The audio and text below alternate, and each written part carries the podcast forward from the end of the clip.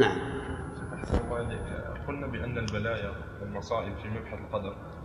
البلايا والمصائب إذا ابتلي بها الإنسان وصبر عليها كانت تكفيرا له للخطايا ورفعا للأجر أشكل عليه هذا مع قول أهل بعض أهل العلم استدلالا بقوله تعالى وما أصابكم من سيئة فبما كسبت أيديكم. ما وما أصابهم من مصيبة. من من مصيبة بما كسبت أيديكم ويعفو عن كثير. نعم. قالوا أن سبب إصابة العبد بالبلايا والمصائب ذنوبه. فكيف نجمع؟ إيش؟ قالوا؟ أن سبب ما يصيب العبد من مصائب نعم. لا يكون عليه من ذنوب وتقصير وتفريط فكيف نجمع بين هذا الأمر؟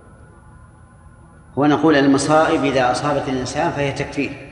تكفير وليس فيها ثواب فيها حط من الخطايا. إذا صبر. فإذا احتسب الأجر صار فيها تكفير وأجر. يعني الأجر لا, لا, لا يكون إلا لمن احتسب الأجر عند الله. أما التكفير فهو بمجرد ما تصيبه المصيبة يكفر به عنه.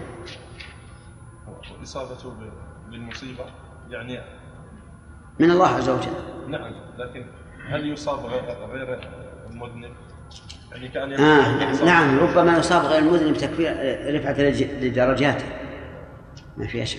الرسول عليه الصلاة والسلام كان يوعك كما يوعك الرجلان منا. ف ف فيكون في ذلك رفعة لد- لدرجاته ولأجل أن يتم أن تتم درجة الصابرين في حقه. ولهذا أصبر الناس على أقدار الله وعلى آه، المصائب وعلى شرع الله هو الرسول عليه الصلاة والسلام. نعم. شيخ الله عز وجل يقول في كتابه تلك الرسل فضلنا بعضهم على بعض. والنبي عليه الصلاة والسلام يقول في حديث أبو هريرة لا تفضلوا بين بين أنبياء الله ولا أقولن إن أحدا أفضل من متى يقول؟ لا تفضلوا بين بين أنبياء الله نعم. ولا أقولن إن أحدا أفضل من يوسف متى كيف نجمع يا شيخ؟ بين الحديث والآية؟ هذا قاله النبي عليه الصلاة والسلام لئلا يفخر أحد برسوله على الآخرين. كما جرى بين بين اليهودي والأنصار. وأما اعتقاد ذلك في القلب فيجب أن نعتقد هذا أن الرسل بعضهم أفضل من بعض. ولقد فضلنا بعض النبيين على بعض وآتينا داود زبورا. تلك الرسل فضلنا بعضهم على بعض منهم من كلم الله ورفع بعضهم درجات. هذا يجب اعتقاده. أما باللسان فلا نفاضل لئلا إن كنا في مخاصمة مع مع أصحاب مع أصحاب الرسل الآخرين ففيها لا شك أن فيها آه، عداوة وبغضاء وربما تصل إلى حد المقاتلة. وأما وأما في غير ذلك فإنه لا ينبغي أن نفاضل خوفا من أن يؤدي ذلك إلى تنقص حق المفروض. انتهى الوقت. ولا لا؟ سؤالك؟ شيخ أنا شكر يؤدى بسلاسل. إيش؟ شكر؟ يعني هو في نعم متعلق الشكر ثلاث. يعني هذا لابد لأداء من سلاسل. كيف؟ يعني لابد لأداء الشكر من هذه السلاسل يعني على سبيل الاجتماع. إي نعم نعم. لا بد من هذا. إذا شكر الإنسان بلسانه دون فعاله ما- ما شكر. لو قال أنا أشكر الله وأ- وأحمد الله والحمد لله على على نعمه لكنه يستعين بها على المعصية. أين الشكر؟ وأنا ذكرت لكم أن الله قال للرسل كلوا من الطيبات واعملوا صالحا وقال في في المؤمنين كلوا من طيبات ما رزقناكم واشكروا لله. وقد قال الرسول صلى الله عليه وسلم إن الله أمر المؤمنين بما أمر به المرسلين وهذا يعني أن العمل الصالح هو الشكر. عرفت؟ طيب من من اتكل على السبب في حصول النعم هل يكون شاكرا؟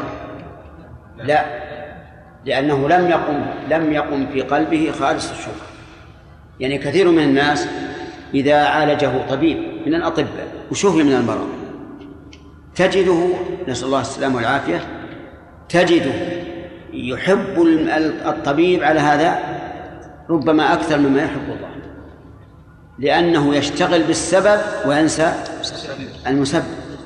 وهذه مسألة خطيرة جدا على الإنسان. أنت إذا شفاك الله على يد إنسان بقراءة أو معالجة فقل الحمد لله الذي شفاني على يد هذا الرجل واشكر لهذا الرجل بقدر ما فعل من السبب. لا أن تنسى الله عز وجل. كثيرا ما يعالج الإنسان بأشد الأدوية تأثيرا. وأعلم الأطباء خبرة ومع ذلك لا لا يشفى. إذن الشفاء بيد الله. وما هذا إلا سبب. نعم. إذا حكمنا على اليهودي أو النصراني بأنه كافر هل يلزم ذلك؟ أنه يدخل النار بدون تردد؟ نعم.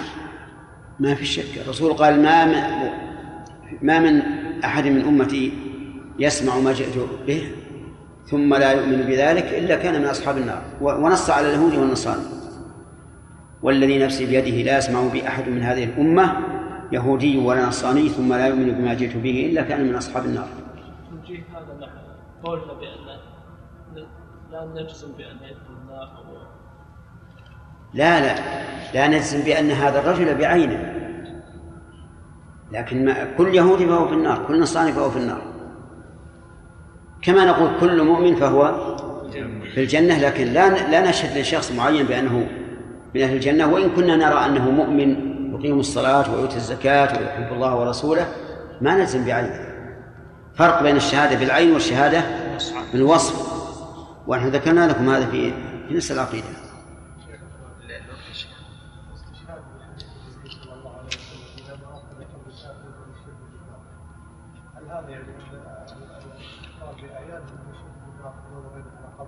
الحديث بقبل كافر ولا عامري؟ كافر؟ ما تدري الماء ما أنا اللي أفهم اللي أحفظ عامري. والمراد بذلك من قامت عليهم الحجة. أما من لم تقم عليه الحجة فلا فلا نبشره بالنار. يعني مثلا يوجد مثلا ناس يدعون ان هذه قبور فلان وفلان ونحن لا ندري أنها قامت عليه الحجة ما نشهده بالنار. نعم. نعم. ها؟ إيش؟ الجوب الجن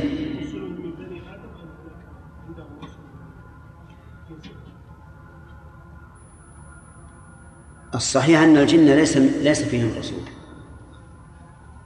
لأن الله تعالى يقول ولقد أرسلنا نوحا وإبراهيم وجعلنا في ذريتهما النبوة والكتاب. النبو... في ذريتهم والجن ليسوا من ذريته. نوح ولا من ذرية إبراهيم. وأيضا يقول الله تعالى وما أرسلنا من قبلك إلا رجال نوحي إليهم من أهل القرى. يبقى الإشكال في قوله تعالى يا معشر الجن والإنس ألم يأتكم رسل منكم يقصون عليكم آياتي وينذرونكم لقاء يومكم هذا؟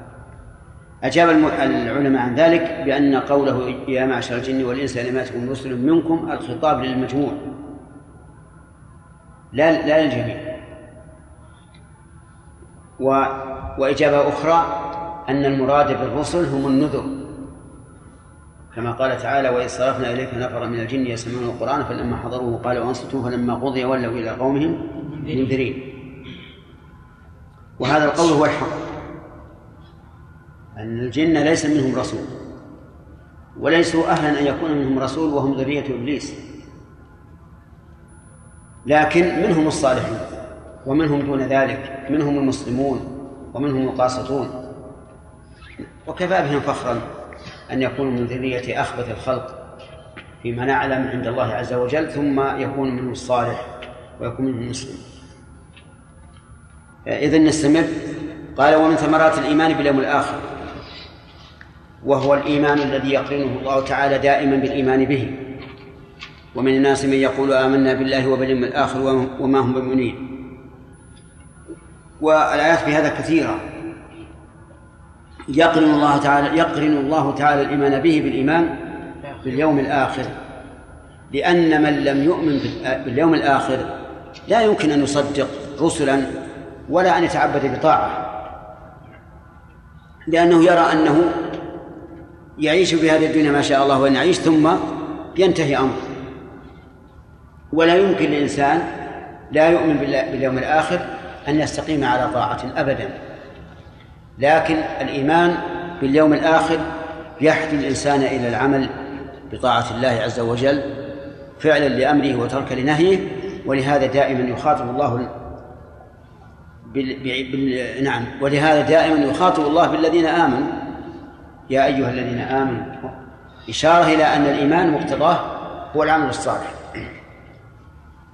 الإيمان باليوم الآخر من فوائده الحرص على طاعة الله تعالى رغبة في ثواب ذلك اليوم والبعد عن معصيته خوفا من عقاب ذلك اليوم.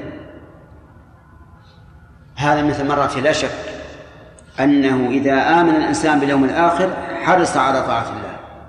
رغبة في إيش؟ في ثوابه واجتنب معصية الله خوفا من عقابه. ثانيا تسلية المؤمن عما يفوته من نعيم الدنيا ومتاعها بما يرجوه من نعيم الآخرة وثوابها. نعم. تسلية المؤمن. لأن المؤمن إذا رأى أهل المعصية منعمين بثيابهم وأبنائهم وأهليهم وقصورهم ومراكبهم سوف يموت غما. لكن إذا إذا آمن بما أعد الله له في اليوم الآخر هان عليه كل ذلك. ولهذا قال النبي عليه الصلاة والسلام لا تشربوا لا تأكلوا في آنة الذهب والفضة ولا تأكلوا في صحافها فإنها لهم في الدنيا ولكم في الآخرة. ولما رأى عمر بن الخطاب رضي الله عنه رسول الله صلى الله عليه وسلم نائما على حصير قد أثر في جنبه بكى. فقال له ما يبكيك؟ قال أبكي لأن كسرى وقيصر يعيشان فيما يعيشان فيه من نعيم وأنت على هذه الحال. فقال أما ترضى أما ترضى أن تكون لهم الدنيا ولنا الآخرة؟ ولا شك أن هذا تسلية عظيمة. للمؤمن. آه، والتسلية تهون على الإنسان المصيبة لا شك أنها تهون على الإنسان المصيبة ولهذا قالت أظنها رابعة العدوية وقد أصيبت في أصبعها ولم تترجل ولم تتأثر فقيل لها في ذلك فقالت إن حلاوة أجرها أنستني مرارة صبرها. سبحان الله كلام كلام نظر عليه النور. إن حلاوة أجرها أنستني مرارة صبرها لأن بضدها تداوى الأشياء. فحرارة الص... إن مرارة إيش؟ حلاوة أجرها أنستني مرارة صبرها. فحلاوة الأجر تقابل مرارة الصبر. وهذا لا شك أنه تسلية للعبد المؤمن فإذا آمن باليوم الآخر حصل له ذلك. أما ثمرات الإيمان بالقدر فيقول أولا الاعتماد على الله تعالى عند فعل الأسباب لأن السبب والمسبب كلاهما بقضاء الله وقدره. نعم وهذا من أهم الإيمان بالقدر. أن الإنسان يعتمد على الله عز وجل عند فعل الأسباب ولا يعتمد على السبب لأنه إذا اعتمد على السبب خذل. وكان من دعاء النبي عليه الصلاة والسلام اللهم إن تكلني إلى نفسي تكلني إلى ضعف وعجز وعورة. فلا تكلني إلى نفسي ولا إلى أحد غيرك طرفة عين. وانظر إلى الرجل الذي آتاه الله تعالى ما آتاه من الدنيا حيث قال إنما أوتيته على علم عندي. فافتخر بنفسه. مع أن مع أن الله هو الذي قدر له ذلك. فإذا آمنت بالقدر اعتمدت على الله. عند فعل الأسباب. وانظر إلى قول المؤلف عند فعل الأسباب لترى أنه لابد من الاعتماد على الله على فعل السبب. لا بد نعم من مع الاعتماد على الله من فعل السبب. لا بد أن تفعل السبب. والإنسان الذي يتكل ويقول إنه متكل ولا يفعل السبب هو قادح في حكمة الله عز وجل. إلا إذا أعيتك الأمور فحينئذ اعتمد على مجرد القضاء والقدر. ولهذا قال النبي عليه الصلاة والسلام احرص على ما ينفعك واستعن بالله ولا تعجز وإن أصابك شيء فلا تقل لو أني فعلت لكان كذا وكذا. ولكن قل إيش؟ قدر الله وما شاء فعل فإن لو تفتح عمل الشيطان. فأنت افعل الأسباب. ولكن اعتمد على الأسباب على أنها سبب محض. وأن و وأن الله تعالى لو شاء إيش؟ لأبطل هذا السبب. لو شاء الله تعالى لأبطل هذا السبب بقوله كن فيكون. انظروا إلى نور إلى النار. النار محرقة.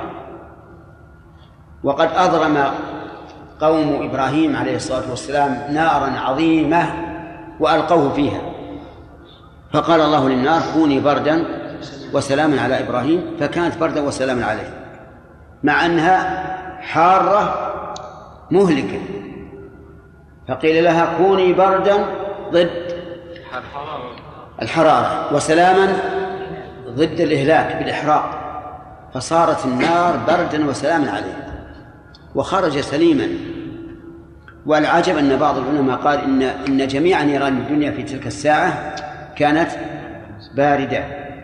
حتى الذين أوقدوا النار على طعامهم أصبحت النار باردة كأنها ضوء القمر والطعام إيش؟ لم ينضج. أكلوه نية. هكذا قال بعض العلماء وهو قول سخيف. لا يلتفت إليه. لأن الله قال يا نار فبناها على الضم. والنكرة إذا بنيت على الضم صارت مقصودة. مقصودة كالمعرفة تماما. فكما أن المعرفة تعين المعرة آه، المعرة كذلك النكرة المقصودة هي كالمعرفة تماما ولهذا تبنى على الضم في الندى والقرآن الكريم قال فيه قال الله فيه يا نار. يا نار. ولم يقل يا نارا. ثم قال كوني بردا وسلاما على من؟ وإبراهيم في جميع النيران. أو في نار واحدة. في نار واحدة. وهذا مما يدلك على أن بعض العلماء يأخذون أقوالهم من الإسرائيليين دون أن يمحصوها. وإلا فكل إنسان يقرأ الآية يعرف أن هذا القول ليس بشيء. نعم. طيب يقول الاعتماد على الله تعالى عنده في الأسباب لأن السبب والمسبب كلاهما بقضاء الله وقدره. ثانيا راحة النفس وطمأنينة القلب لأنه متى علم أن ذلك بقضاء الله تعالى وأن المكروه وأن المكروه كائن لا محالة ارتاحت النفس واطمأن القلب ورضي بقضاء الرب. فلا أحد أطيب عيشا وأربح نفس وأريح نفسا وأقوى طمأنينة ممن آمن بالقدر. وهذا مهم جدا وهو راحة النفس وطمأنينة القلب عند حصول المكروه. أنت إذا سعيت في الأسباب وحصل ما تكره ولم يحصل ما تريد. وكنت مؤمنا بالقدر. فما مقامك حينئذ؟ تسليم التسليم. والرضا. وتقول هذا هو الذي قدر الله. ولا يمكن أن أن تتغير الحال عما كان فتطمئن وتقول إذا كان هذا فعل ربي بي فأنا ملك الله عبد الله يفعل بما شاء. فتطمئن وتستقر ولا تستحسر وتفعل الأسباب المنجية التي جعلها الله أسبابا لكن إذا لم تؤمن بالقدر لا يمكن أن تصبر. ولهذا انظروا إلى القوم الذين لم يؤمنوا بالقدر. إذا أصيبوا بكربة إيش يعملون؟ إيش؟ ينتحرون. يقتلون أنفسهم. ولكن هل إذا انتحروا ينجون مما هم فيه؟ لا. لا يقعون فيما هو أشد. فهم كالمستجير من الرمضاء بالنار. لا يظن هذا المسكين أنه إذا إذا قتل نفسه كالشاة كالبهيمة انتهى أمره. بل انتقل إلى دار الجزاء. وجزاؤه إذا قتل نفسه أن يعذب بما قتل به نفسه في نار جهنم خالدا فيها مخلدا والعياذ بالله. لكن مثل هؤلاء لا يؤمنون بذلك. المهم على كل أن الإيمان بالقضاء والقدر يوجب الأخ. يوجب راحة النفس والطمأنينة راحة النفس وطمأنينة القلب. ربما مثلا يسعى إنسان ربما يسعى إنسان لحصول شيء ثم يحول القدر بينه وبين هذا الشيء. يعني قدر الله. فتجده يندم ويتأثر. لكن يجد فيما بعد أن الخير فيما قدر الله. قبل سنوات احترقت طائرة سعودية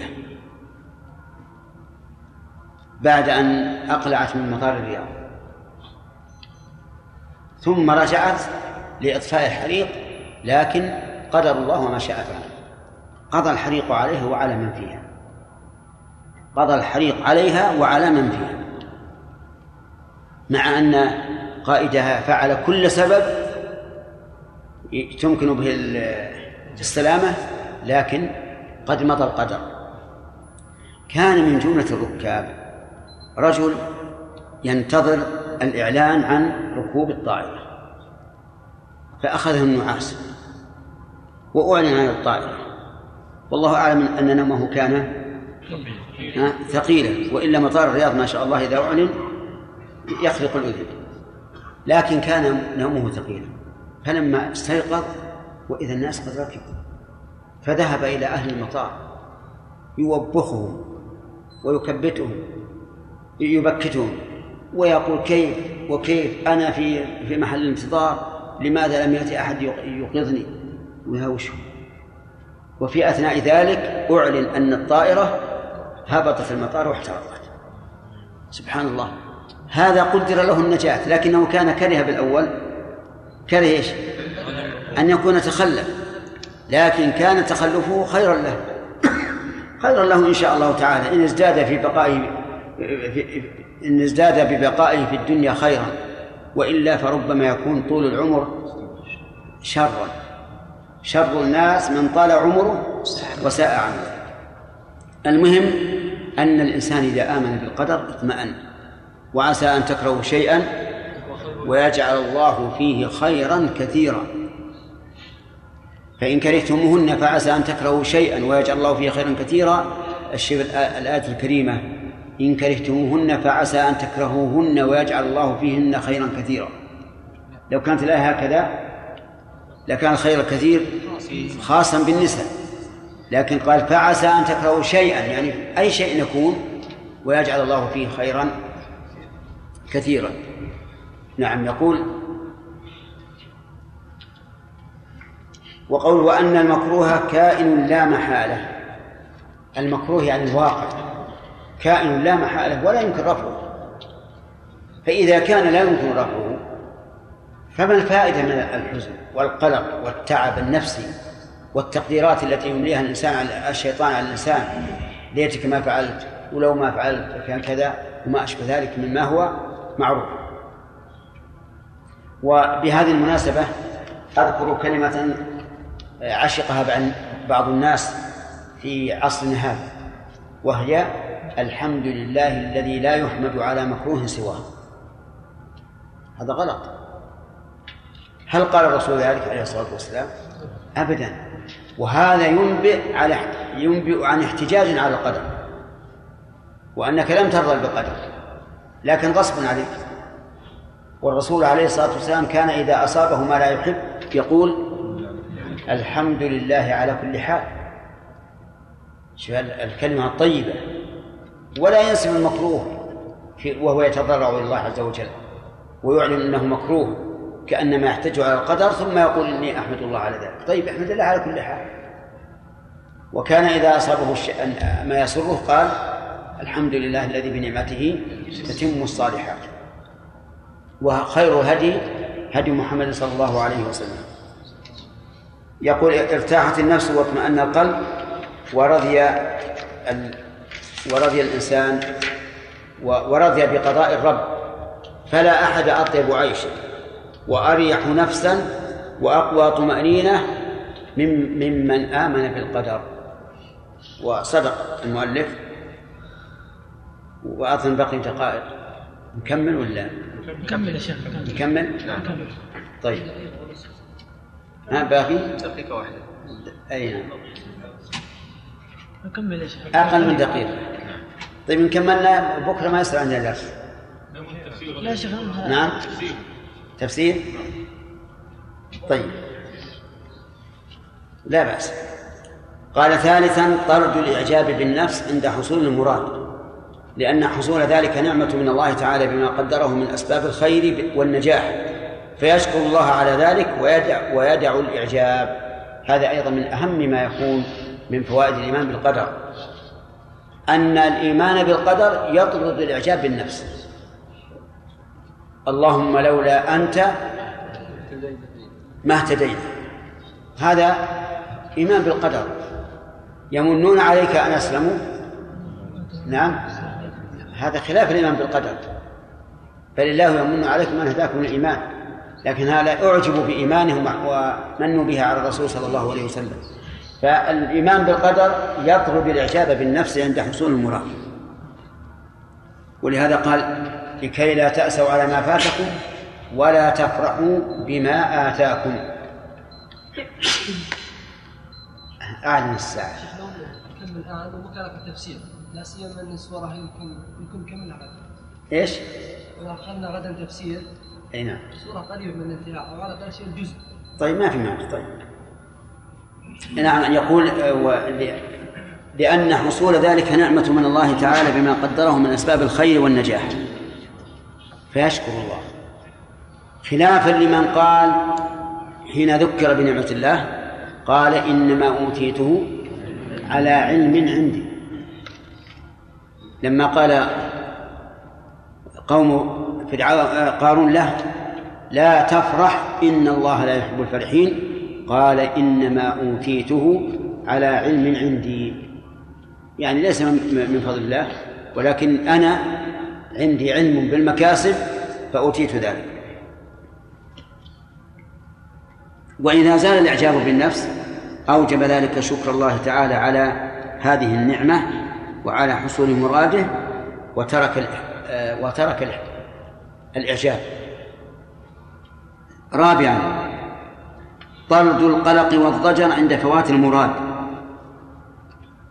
أو حصول المكروه لأن ذلك بقضاء الله تعالى الذي له ملك السماوات والأرض وهو كائن لا محالة فيصبر على ذلك ويحتسب الأجر. هذا أيضا من فوائد وثمرات الإيمان بالقدر أنه يطرد القلق والضجر. لأن الإنسان يقول في نفسه مهما كان الأمر لا يمكن أن يتحول الحال عما كان أبدا. يعني لا مثلا إنسان فعل فعلا يريد أن يصلح مثلا آه، شيئا من ماله فصار بذلك تلف المال. أراد أن يصلح مثلا قلما وهو عند إصلاحه انكسر. هو أراد الخير لكن القدر كان بخلاف ذلك. فإذا حصل هذا تقول أنا أؤمن بقضاء الله وقدره وأن الله هو الذي قدر هذا وأؤمن بأنه لا يمكن أن تكون الحال على غير هذه الحال أبدا. أمر لا يمكن تدارك. لا يمكن رفع مكان أبدا. ولا يمكن منع ما قدر الله. اللهم لا مانع لما أعطيت ولا معطي لما منعت. فإذا فيؤمن بأن ذلك بقضاء الله وقدره الذي له ملك السماوات والأرض وهو كائن لا محالة فيصبر على ذلك ويحتسب الأجر.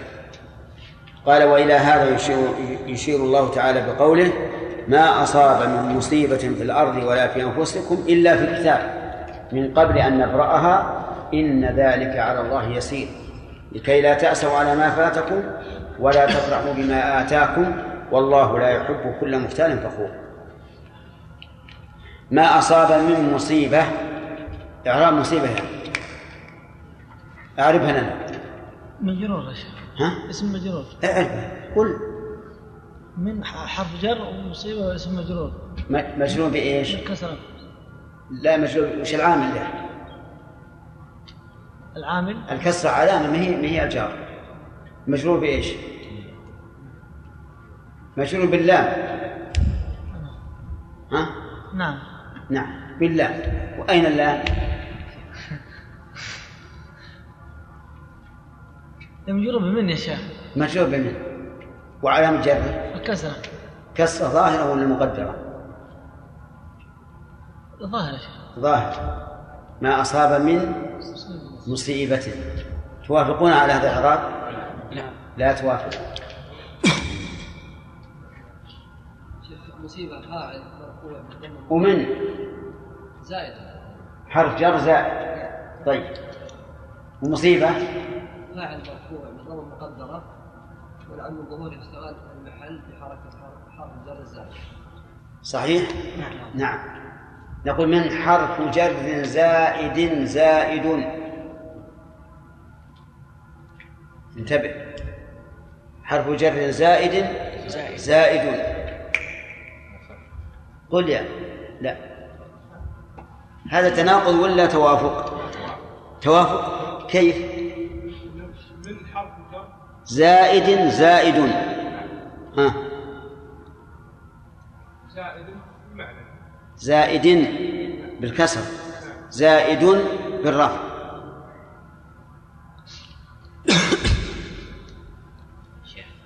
كلام سليم ولا فيه اختلاف؟ سليم وش السلامة؟ من حرف جر زائد. زائد. وهو زائد. زائد. آه أحسنت. إذا زائد لفظا زائد؟ معنى طيب زائد الأولى لازم أو متعدي؟ وزائد الثانية لازم أو متعدي؟ حرف من زائد حرف جر زائد زائد. الأولى آه، لا الأولى لا. والثاني؟ ليش؟ ما يصير العكس أصلا لعل العكس هو الصواب تأمل. لعل العكس هو الصواب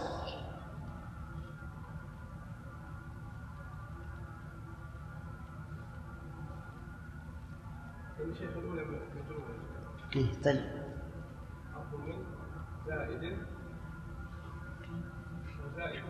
يعني أيها من اللازم أو المتعدي الأولى من اللازم. طيب والثانية؟ من المتعدي تأكد. ثابت. وش تقولون؟ صحيح. صحيح تمام. طيب. آه طيب ما أصاب من مصيبة في الأرض؟ كالجد. وفساد الزروع وما أشبه ذلك. ولا في أنفسكم كالمرض والكسر وفوات الأحبة وغير ذلك. إلا في كتاب أي مكتوب من قبل أن نبرأها والمراد بالكتاب هنا اللوح المحفوظ. كتب الله فيه مقادير كل شيء إلى قيام الساعة. من قبل أن نبرأها الضمير هنا وهي ها تعود على إيش؟ قيل إنها تعود على المصيبة. وقيل على الأرض. وقيل على الأنفس. والأظهر أنها على المصيبة لأنها هي المتحدث عنها إلا في كتاب من قبل أن نبرأها. بكم؟ بخمسين ألف سنة. إن ذلك أي كونها في الكتاب على الله يسير فليس يصعب عليه شيء لأنه لما خلق القلم قال له اكتب قال وماذا أكتب؟ قال اكتب ما هو كائن إلى يوم القيامة. فهو يسير على الله عز وجل. كلمة واحدة حصل حصل بها كل مراد الله. لكي لا تأسوا على ما فاتكم. اللام حرف جر. كي حرف مصدر. ينصب الفعل المضارع. لا نافية. تأسوا فعل ماضي ولا مضارع. مضارع.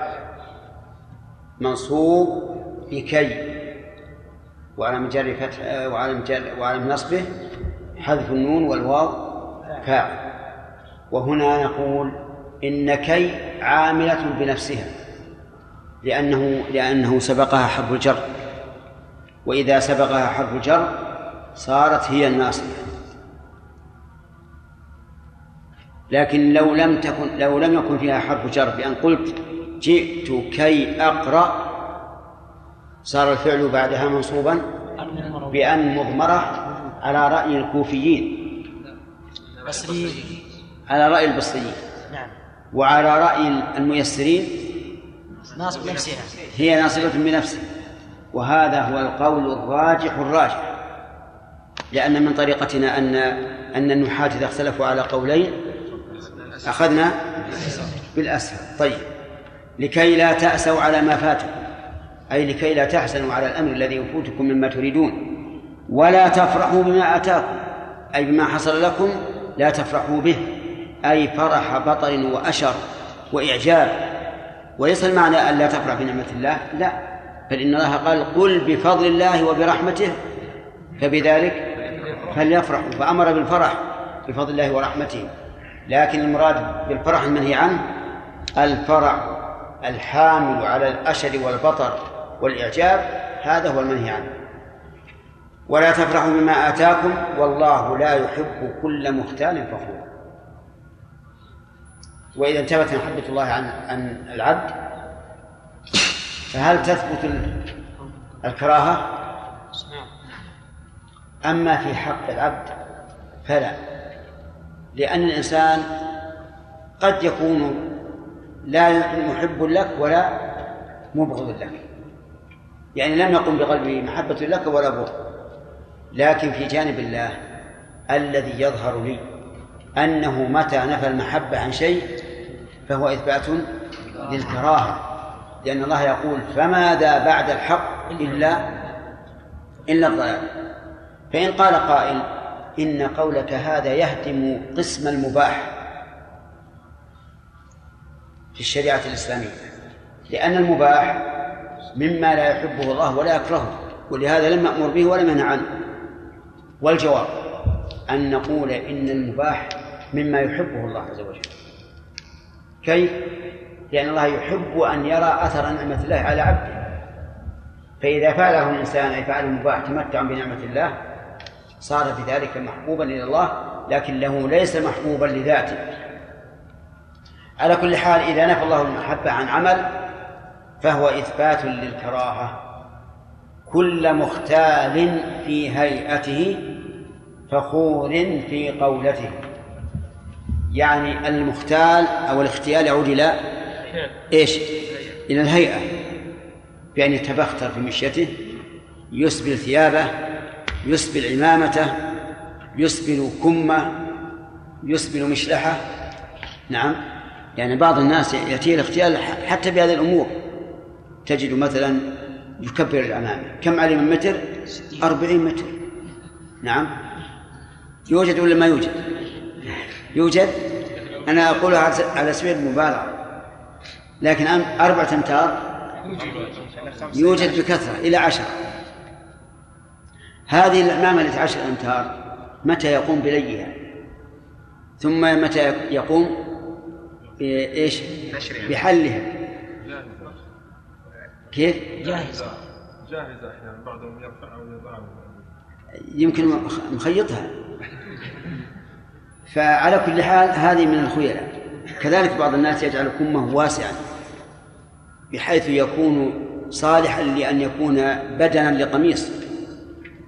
وهذا من من الخيلاء كما قال الشيخ الإسلام ابن تيمية. ومن الناس من يكون على الخيلاء في في تنزيل ثوبه المهم الله تعالى لا يحب كل مختال سواء في هيئته أو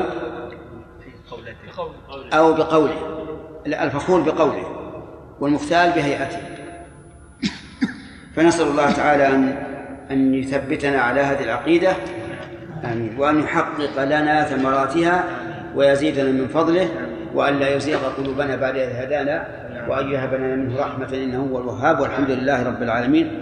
وصلى الله وسلم على نبينا محمد وعلى آله وأصحابه والتابعين لهم بإحسان. لا, لا يمكننا الآن أن نجري على هذه العقيدة مسابقة لأنه ما بقى عندنا إلا يوم. نعم. ما يمكن. يمكن؟ طيب إذا يمكن أن نجعل عليها مسابقة في الحفظ والمناقشة. يمكن؟ عما ناقش وش الفائدة؟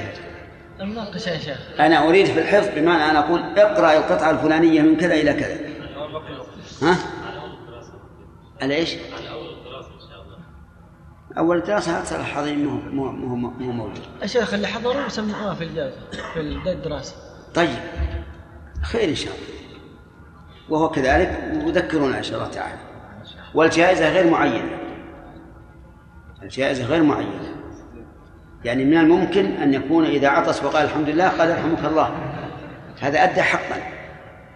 أو نقول هذا سببه غير المسابقة؟ ثاني. نعم. على كل حال ستكون إن شاء الله مسابقة. ستكون مسابقة والجائزة غير معلومة. حتى يذهب تذهب أذهانكم كل مذهب. في تقدير هذه الجائزة إن شاء الله تعالى. نعم. شيخ بارك الله فيك. آه هل يجوز للرجل أن يقول بالنسبة للنعم التي عنده مثلا المال كثير المال كثير يقول اوتيته بفضل الله عز وجل ثم بمثلا خبرتي أو أو لا في هذه الأمور ينبغي أن يحيلها دائما على الله. لا لا بأس أن يقول هكذا بشرط أن لا يغلب قوله بخبرتي على قوله بفضل الله. لأن بعض الناس قد يقدم فضل الله لفظا لكن في قلبه إيش؟ أن الخبرة أبلغ في في حصول هذا الشيء. فإذا كان يخشى على نفسه من ذلك فلا فلا يقول. وإذا كان يريد أن يقول بخبرة من أجل أن يحث الناس على فعل الأسباب كان هذا خيرا. قلنا مصيبة وما موصولة وفي الموصول لابد من أين ما؟ ما؟ قبل هذا ليس موصول. لا ما هي موصولة؟ من قال إنها موصولة؟ إيش؟ اقرأ لا يتبين لك ما. أصاب من مصيبة في الأرض ولا في أنفسكم إلا في كتاب. وش تكون؟ وش تكون؟ دعنا من أظن. ماذا تكون إذا قرأت الآية؟ ما أصاب من مصيبة في الأرض ولا في أنفسكم إلا في كتاب. نافية أحسنت. نعم عبيد.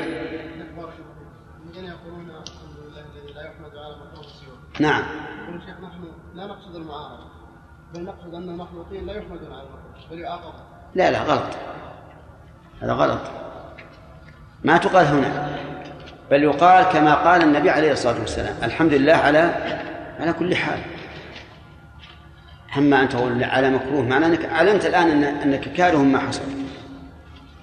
وفيه نوع من نوع من الاعتراض. وإن كان يقول لا نقصد وإن شاء الله هو ظننا في من فيه خير لكن نقول عدل العبارة إلى ما قاله الرسول عليه الصلاة والسلام. الحمد لله على كل حال. نعم. الحمد لله على كل حال. واعوذ بالله من حال النار نعم. جائز فيها هذه تكميل نعم.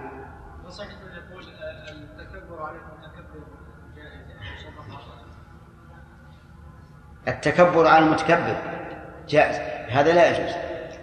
لكن إذا قال المعزر للمتكبر محمود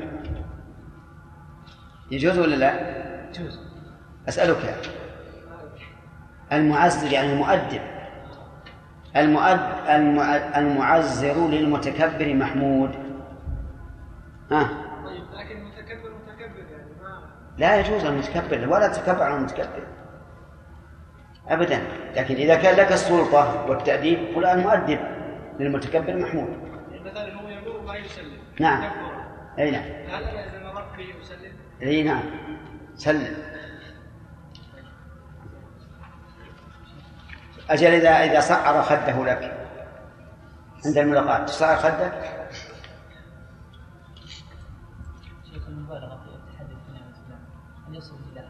الرياء؟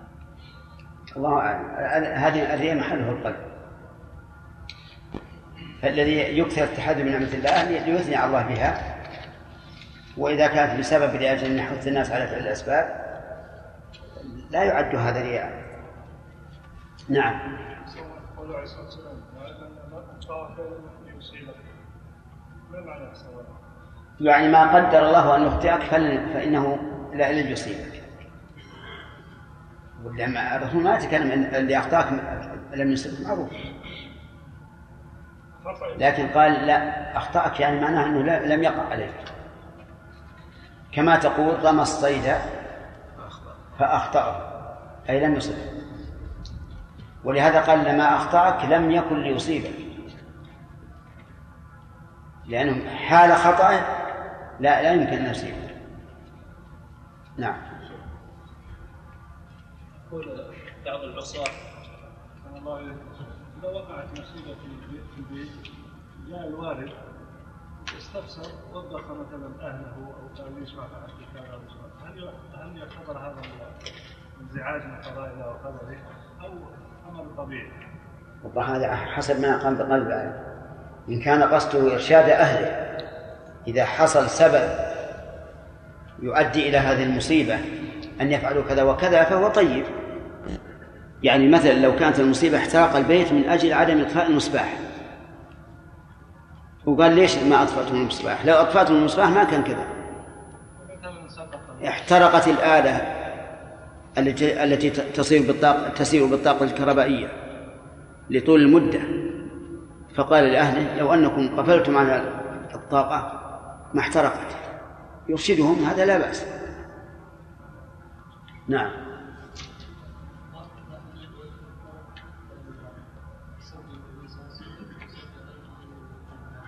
نعم. سب الرسول أعظم لا شك. لأنه أفضل. أفضل الرسل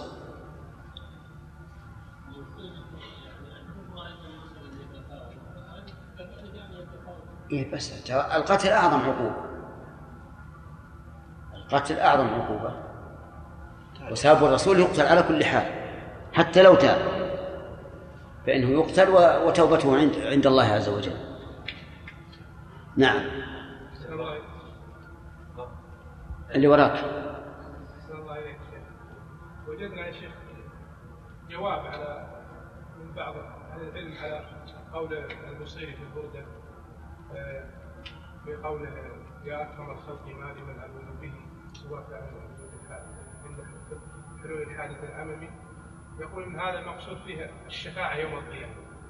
فهذا يا شيخ وجيه. لا ليس يقول يبين البيت الثاني. آه، إن لم تكن آخر إن لم تكن آخذا بيدي يوم الع... يوم العد... يوم المعاد يدي عفوا إيه، وقل والا فقل قدر لأنه قال الحادث العام يعني يعم جميع الناس. عند حلول الحادث العمم اللي يعم الناس كلهم. يا شيخ. يقول يوم القيامة. من قال هذا؟ ويا شيخ وجدنا عن يوسف الرفاعي. هاي هاي أنا ظننت أنه من أئمة الدعوة. لا لا يا لا هين هذا كله. لا يعني يا شيخ يعني كله هتيان يا رجال الرجل هذا. يعني ما هو وجيه غلط هذا. له كلام رب العالمين الذي الذي نعلم إنه لا لم يرد الا إلا الحق. قلنا هذا تحريف. ما لي من ألوذ به سواك عند حلول الحادث العميم يعني في الدنيا. في, في الآخرة قال إن لم تكن آخذا يوم المعاد يدي عفوا. ثم ك- كلمة عفوا هل هل الرسول يملك العفو عن الناس يوم القيامة؟ نعم. لا يملك لكن عند هذا الرجل يملك. وإلا فقل يا زلة القدم ثم البيت الأخير عاد ماذا يقول فيه؟ ثم ما يا فإن من جودك الدنيا وضرتها ومن علمك علما لا يحب القلم ما عاد يقدر يقول شيء الشيخ استحسن بعض الناس. هذا بس الأول. ثم الثاني يا أخي إذا استحسنوا هل بعد ال- الكفر من من من حسن؟ لا بس السؤال. لا أنا أقول لا قال له أنا بفترض عليه. قلت تنزلنا معك إلى أبرى الحدود. وكسرنا سلم الصعود. نعم. كيف تجيب عن قولك فإن من جودك الدنيا وضرتها؟ ومن علمك علم لا القلب كيف تجيب؟ يعني لو قدرنا أن البيتين السابقين لا ليس فيهما شيء. فلا يمكن الإجابة عن البيت الثاني. الثالث انت انت أجل. ما يمكن نجي نجيب عن انسان عرف مقصود. البيت ي- يتبين به معنى البيتين الأولين. نعم. كيف نجمع يا شيخ بين أن الله سبحانه وتعالى لا يغفر لمن ينتحر وأن رجل من الصحابة انتحر في زمن الرسول وغفر الله له؟ من لا أعرف لكن سمعت أنت لا تعرف ولا تعرف السند ولا أين الكتاب ولا من القائد يعني هذا الرسول عليه الصلاة والسلام أتي إليه برجل قتل نفسه بمشاقص. نعم هذا. فلم يصلي عليه. ما صلى عليه لأن صلاته لأن صلاته عليه شفاعة. لكنه أمر بالصلاة عليه قال صلوا على على صاحبه أو أو قال صلوا عليه. طيب هذا لا يدل أنه يعني مسلم من المسلمين؟ مسلم لكن ما لا مانع من أن يخلد في النار. ما دام الرسول يقول خالدا فيها أبدا. هو لو ما جاءت أبدا كان المسألة سهلة مثل كان تكون كالذي قتل غيره. لكن جاءت أبدا فإذا صحت هذه اللفظة فلا معنى لكونه آه، يتأول. انتهى الوقت وعندنا الآن عندنا ذوي الأرحام. للوصيه في بيت من معناها يقول بيت يا خير من بالارض اعظمها فطلب من القاع ما هو بهو. هذا رجل عتبي. جاء إلى إلى قبر الرسول عليه الصلاة والسلام وأنشد هذا هذين البيتان ها؟ يقول في يقول فيها نفس الفداء ونفس أنت في قبر أنت ساكنه. فيه العفاف وفيه الجود والكرم. نعم. هذا الشيخ معناه فيه صحيح. إيه هذا صحيح نعم صحيح. ابتدائي في قبر النبي صلى الله عليه وسلم. لا. نفسي فداء لقبر أنت ساكنه يعني بذ- بذاك الرسول الله. أما إذا قصد القبر نفسه فهو غلط أيها الإخوة اخترنا أن نكمل بقية هذا الشريط بالمادة التالية. الرحيم. الحمد لله. الحمد لله نحمده ونستعينه ونستغفره ونتوب إليه ونعوذ بالله من شرور أنفسنا ومن سيئات أعمالنا. من يهده الله فلا مضل له ومن يضلل فلا هادي له. وأشهد أن لا إله إلا الله وحده لا شريك له. وأشهد أن محمدا عبده ورسوله صلى الله عليه وعلى آله وأصحابه ومن تبعهم بإحسان إلى يوم الدين وسلم تسليما. أما بعد فإن المهم في كل فن أن يتعلم المرء من أصوله أن يتعلم المرء من أصوله ما يكون عونا له على فهمه وتخريجه على تلك الأصول ليكون علمه مبنيا على أسس قوية ودعائم راسخة وقد قيل من حرم الأصول حرم الوصول. بسم الله الرحمن الرحيم. الحمد لله رب العالمين وصلى الله وسلم على نبينا محمد وعلى آله وأصحابه ومن تبعهم بإحسان إلى يوم الدين. هذا الدرس الذي نبتدئه هذه الليلة ليلة السبت العاشر من شهر صفر عام تسعة عام ستة عشر وأربعمائة وألف هو في أصول التفسير. ونسأل الله تعالى أن ييسر إتمامه على الوجه الذي ينفع. بدأ المؤلف كتابه بهذه بهذه الخطبة خطبة الحاجة. الحمد لله نحمده ونستعينه ونستغفره ونتوب إليه. نتوب إليه اجعلوها بين قوسين لأنها لم تأتي في الحديث.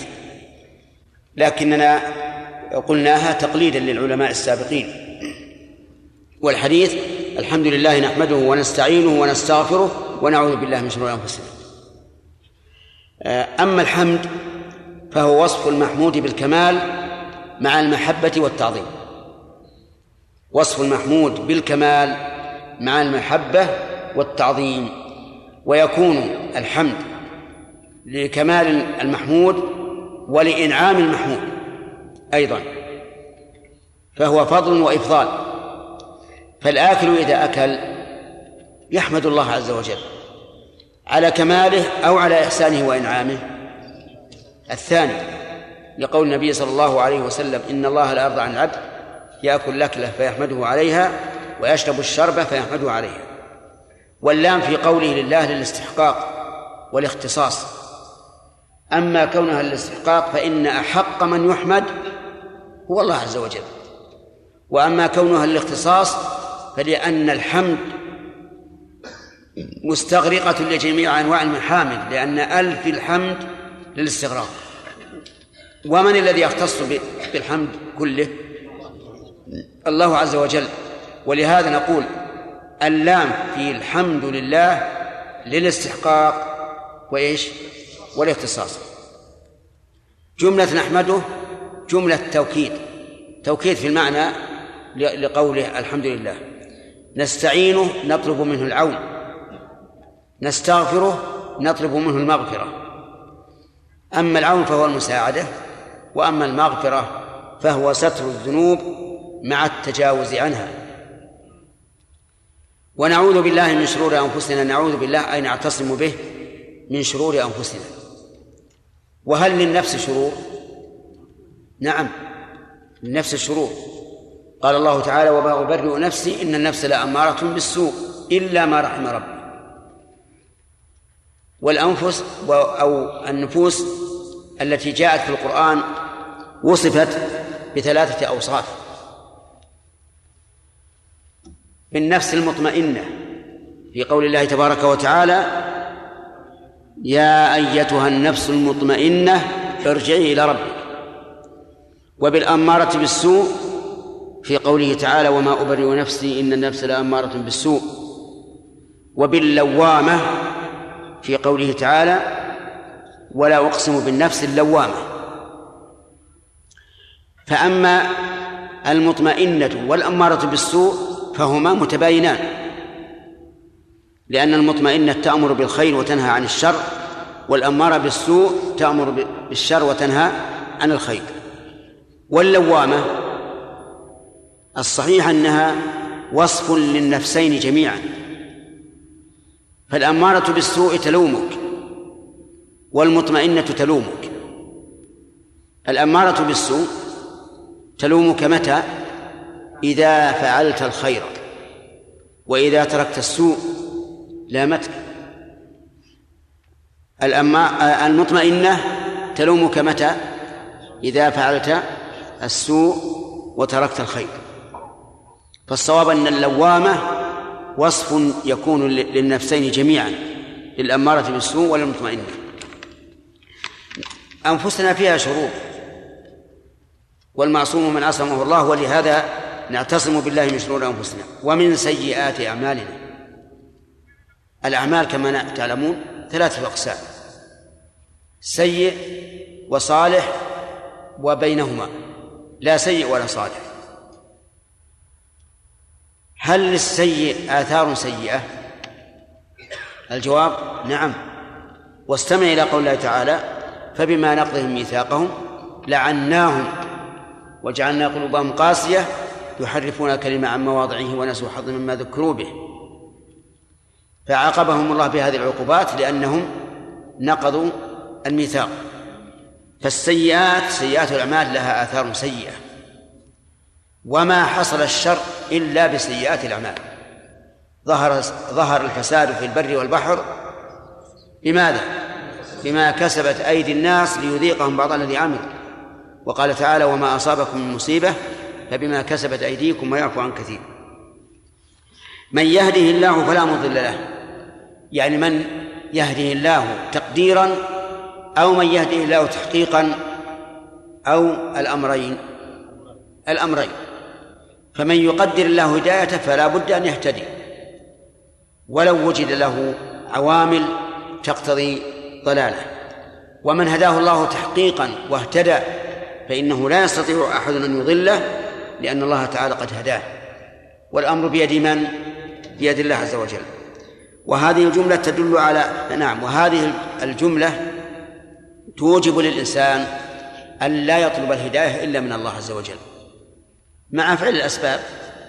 الأسباب لا بد منها. اسأل الله الهداية و... و... واعمل لأسبابها من تعلم الشريعة واستطلاعها وما أشبه ذلك. ومن يضلل فلا هادي له. من يضلل بالفعل يعني حقيقة أو من يضلل من يضلل تقديرا. الأمران جميعا. فمن أراد الله إضلاله فمن أراد الله ضلاله فإنه لا يمكن أن يهديه أحد. ولا أدل على ذلك من فعل الرسول عليه الصلاة والسلام مع عمه أبي طالب. عمه أبو طالب أحسن إليه أي إلى الرسول إحسانا عظيما. وصبر على مقاطعة قريش من أجل أن يكون مع النبي صلى الله عليه وعلى آله وسلم وآمن به بلسانه.